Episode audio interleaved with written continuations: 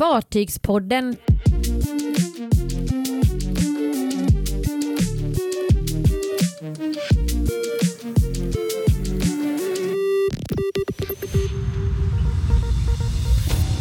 Svenska fartyg ska studera jätteläckans effekter. Viking firar 25 år med ett nytt fartyg. Och mer kostar fartyg till andra rederier.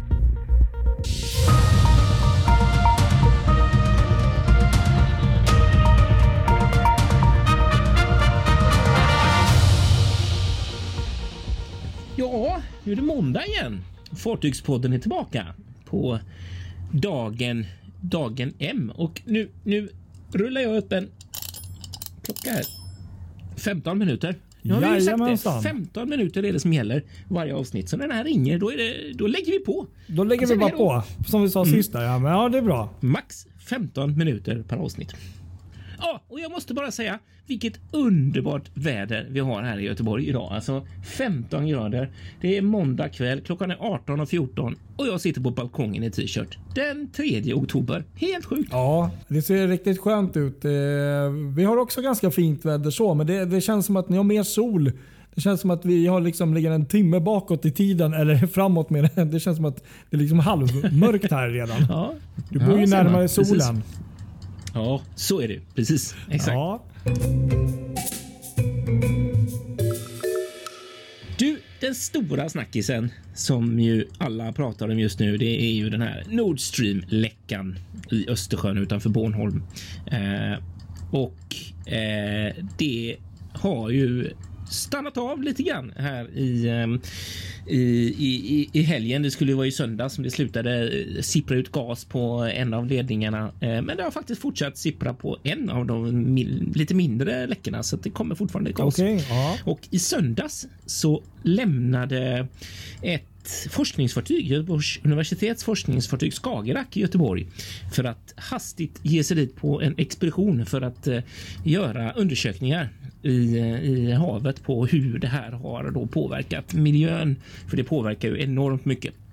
Det kan jag Såklart. tänka mig. Ja. Eh, Det är ju inte, det är inte små mängder med, med, med gas som liksom kommer upp som har strömmat upp där. Och det, det, jag hörde någonstans att det här var det som hade kommit upp hittills var en fjärdedel av, av ehm, Sveriges årsutsläpp eh, som redan nu har kommit upp. ja, det är ju illa att, på så kort ja, tid.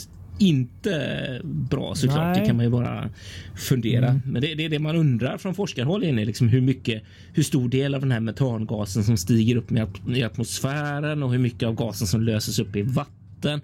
Och, och vad den då tar vägen då med strömmarna liksom.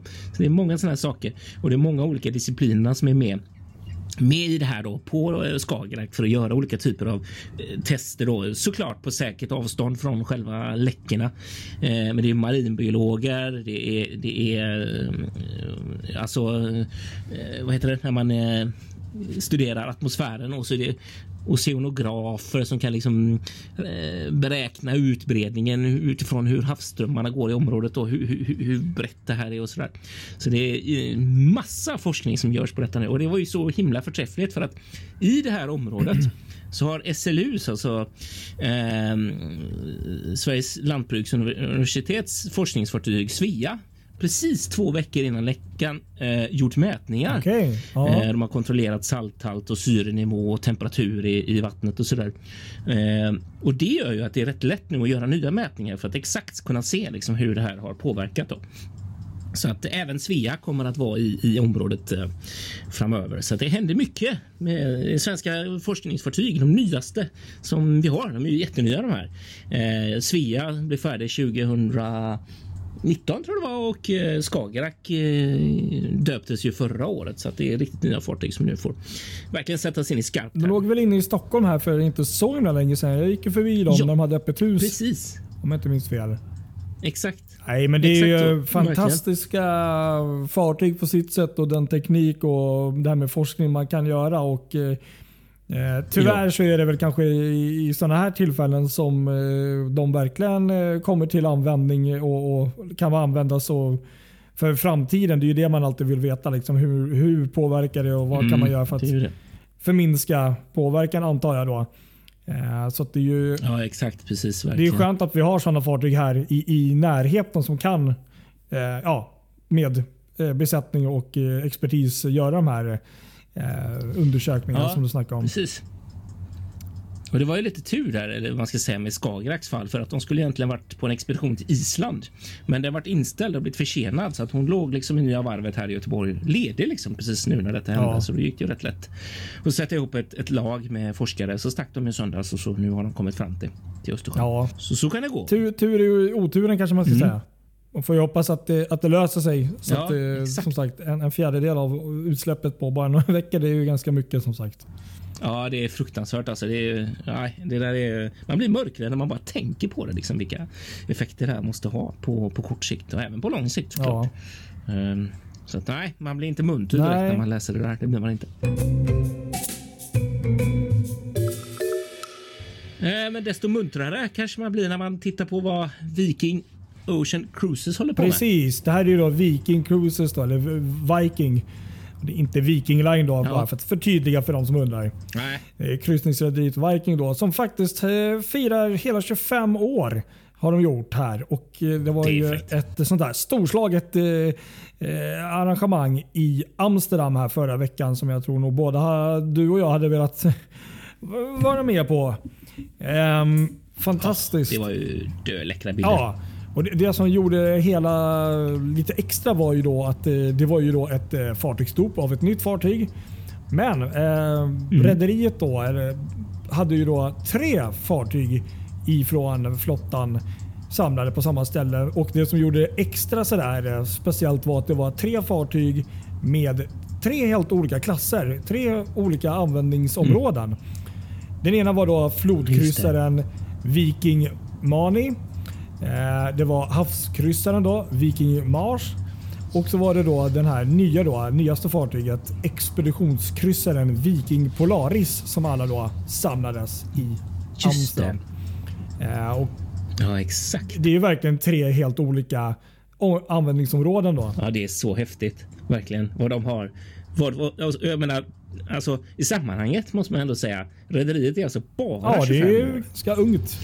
Och, och, Ja, med tanke på hur mycket fartyg de har. Och Absolut. Då, då har jag ju rätt dålig kunskap om, om deras flodkryssningssegment. Men när jag var nere i somras i Viren där eh, så var det ju extremt många av deras kry- flodkryssare som gick förbi. Så att det, det, det, de är ju stora. Ja, alltså det var ju flodkryssningsdelen de började med och det var ju där de var, som jag då förstår det, stora från början. Och så hade man då någon form av, av eh, undersökning bland sina passagerare och, och det var ju där man då vågade och tog fram den här idén om att vi kanske borde satsa lite på, på det här uh, Ocean Alltså uh, havsgående fartyg. Och eh, vi, vi har ju snackat många gånger om vilken eh, framgångssaga det verkligen har blivit. Det är så många vikingfartyg nu i, i den eh, klassen som jag fan tappar räkningen nu faktiskt. Ja, det går inte. Jag vet, det är helt otroligt.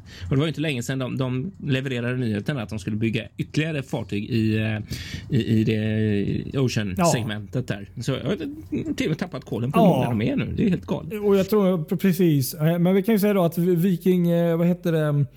Eh, Polaris då är ju då systerfartyg till eh, tidigare då Viking Octanis som eh, blev klar, jag tror det var tidigare då, eller förra året. Och båda är då expeditionskryssningsfartyg och det, det är två fartyg i den här klassen då för rederiet. Och det lite coola är faktiskt att de, de kommer då självklart som de är då byggda för att gå i Antarktis sen då under sommaren där för Antarktis. Men eh, under, nu börjar de faktiskt säsongen här med att gå på de här så kallade The Great Lakes. De här stora sjöarna i, faktiskt, i Amerika. Mm, just det. Det är det som är lite häftigt med dem. Att de, är- de, de är ju så pass små men ändå stora. Men ändå den lilla sizen att de kan komma in i de här sjöarna liksom. Och slussa in där. Så att, eh, där kommer de börja sin, sin eh, säsong här nu. Och så kan jag bara tillägga då att eh, gudmor för de här fartyget då var eh, Liv Arnesen och Ann Barncraft som då båda är då kända uppdragsresande eh, då, kvinnor då som blev eh, de första då att åka skidor till Antarktis tydligen. Jäklar, häftigt. Vilken grej. Verkligen. Ja, men jättefint fartyg och kul kombination. Jag tror aldrig jag sett ett rederi med så många olika fartygsklasser i samma, eh, ja, ställde så på det, vid ett sånt tillfälle. Nej, eller hur? Verkligen inte. Precis. Ja, ska vi gå vidare till Costa här då? Ja, vad hände med Costa? Vi hade ju dem uppe förra veckan. Ja, eller det för gjorde detta Costa. Riktigt intressant. Och nu eh, verkar det lite grann som att det kan vara fler fartyg som är på väg. Eh, vi pratade om Costa Luminosa förra veckan som ju har blivit Carnival Luminosa nu med ny kostym och helt Just ny det.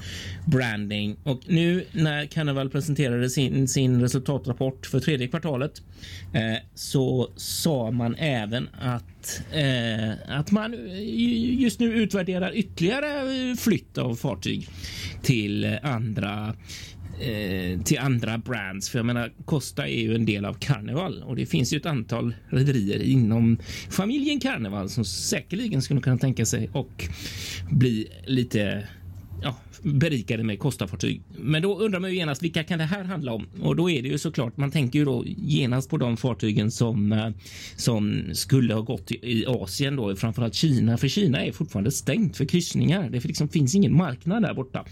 Eh, så det har gjort att de har flyttat bort eh, Costa Venezia Costa Firenze till exempel som, som inte, inte helt enkelt, de kan inte kryssa där, det går inte. Så att det, det, det ska bli eh, karnevaler. Mm. Och det man har snackat om är att eh, Costa Mag Magica ligger och är liksom helt utan, har ing, ingen, eh, ingen drift Just och inte det. haft det på jättelänge. Liksom Nej. Costa Serena som båda har haft liksom, eh, eller i alla fall Costa Serena har haft, varit året runt placerade i Asien då.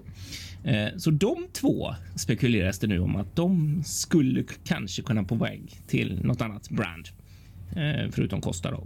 Ja, Så att ja, vi får se. ja, vi får se vad det blir. Sen undrar man ju också vad som händer med... För ehm, Carnival har gjort ett sånt joint venture med, med, med eh, China State Shipbuilding Corporation för ett helt nytt rederi där ju. Eh, med Costa Atlantica och Costa Mediterranea.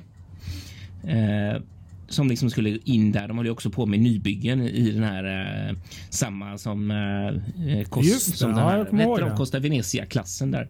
Eh, det undrar man ju lite vad som händer med dem alltså. Det är faktiskt sant. De här Kina-byggda Mm. Ja. Kina-byggda och de här Costa Atlantic och Mediterranean som Ja, skulle ja, just flyttas det. upp. Ja. Ja, alltså, nu är jag ledsen, jag har inget svar på detta. Det är liksom bara Nej. rena spekulationer som jag lyfter fram. Men det, det blir spännande. Vi får ha koll på Costa här, för det känns som att eh, det är många fartyg som, som försvinner från deras flottar nu med tanke på att de faktiskt hade tänkt satsa rätt mycket på Asien och det ser ju fortsatt mörkt ut där. Det är intressant som du säger. Vi får nog helt enkelt bara avvakta och se. Ja, tror det också faktiskt. Du, en annan sak som är superspännande som det tisslat och tasslas om just nu. Eh, det handlar om Ja. New York faktiskt. Och att man Ja. i New York, eh, deras eh, borgmästare Eric Adams har gjort klart att man håller på och diskuterar för att få till ett eh, kryssningsfartyg som boende för flyktingar. Och då har man bland annat diskuterat med Norwegian Cruise Line som Ja. har eh, bekräftat att, att man eh, är för diskussioner med New York. Eh, och eh, den här eh, sajten eh, Seatrade Cruise News har bland annat eh, lyft upp New York Breakaway kan vara ett av fartygen som man då tittar på eftersom det fartyget har kryssningar nu i oktober november eh, innan hon skulle repositioneras till New Orleans. Eh, men det man också diskuterar om det är att man tydligen har kontakt med Tallink här eh, för en, en, en, en färja då som har varit boende för ukrainska flyktingar i Estland. Aha, oj. Eh, och i Tallinn. Och då börjar jag genast titta lite grann här. Hmm, vilka fartyg eh, har de just nu? De har ju rätt många fartyg som agerar boende. Eh, först tänkte jag på Victoria 1, men hon är ju i Skottland just nu. Det är snarare Isabelle som ligger i Tallinn och som är, är boende. Så jag tänkte på Isabelle skulle kanske Ah, kunna vara aktuell det. och bli boende i New York. Och i så fall skulle det vara eh, på, i en hamn i, på Staten Island, alltså precis utanför New York som det skulle vara aktuellt med detta. Så tänk om man skulle få se henne där. Det hade varit häftigt. Eh? Ja, den är en riktig inte. sån där som man Precis. aldrig skulle kunna tänka sig. Så får vi också säga att något stort har hänt i Genua idag med systerfartyget. Ja, och det var ju faktiskt eh, att Amorella har ju faktiskt anlänt nu till Genua för att, eh, ja, för att eh, börja sin ommålning och sin omklädsel kan man säga till Korsika Ferries direkt där. Och Det här är lite intressant för att ehm, jag har ju då en, en vän då som David Ratto då, som jag faktiskt skrev med innan vi började här. Och, eh, han är inte så himla glad för att han är ju då Korsika-fan och har ju vuxit upp med de här gamla fartygen. Och, eh, mm. Jag frågade honom då vad är det för fartyg som försvinner istället. Då, då är det då tydligen Korsika Victoria som kommer få lämna plats åt nya det här. Och, ehm, ja, nej, det, han är inte så munter. För att det är som han sa, där, att Korsa Victoria och Sardinia det, det var liksom orsaken ja. till hans fartygsintresse. Så att det, det är ja, alltid det två, är mynt, på, ja, två sidor av myntet här. Liksom. Ja, det är, det är Men ja, Amorella är framme. Verkligen. Och det, den där Corsica Victoria, det får man ju komma ihåg också att det är ju faktiskt en, ja. en gamla Gotlandsfärja. Den hette Gotland eh, och beställdes faktiskt ursprungligen av Stena Line. Så det är i allra högsta grad eh, Sverigekoppling det där eh, bygget. Så det är ju tråkigt på många sätt om det skulle försvinna från ja. och eh, bli skrot. Men så är det ju tyvärr. Gamla fartyg har vi sett länge nu. De försvinner, åker upp på stranden.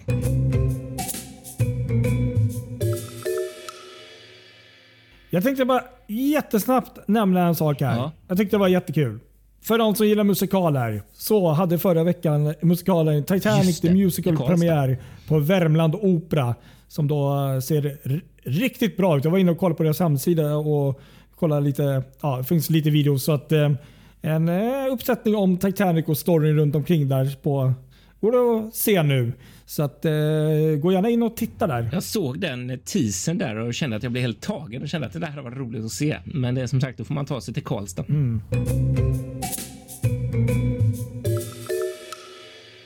Gött! Vi är nästan 15 minuter. Nästan. Lite mer. Lite men, men vi klarar oss hyfsat. Vi klarar ja, nej men jag ja. säger väl som vi brukar. Då. Ja, tack för att ni har lyssnat. Följ oss på mm. sociala medier. Vi finns där poddar finns. Och Ja. Och ratta in oss nästa måndag igen. Då kommer vi igen med nytt avsnitt. Precis. Ha det så bra i höstvädret. Ha det så bra. Hej då!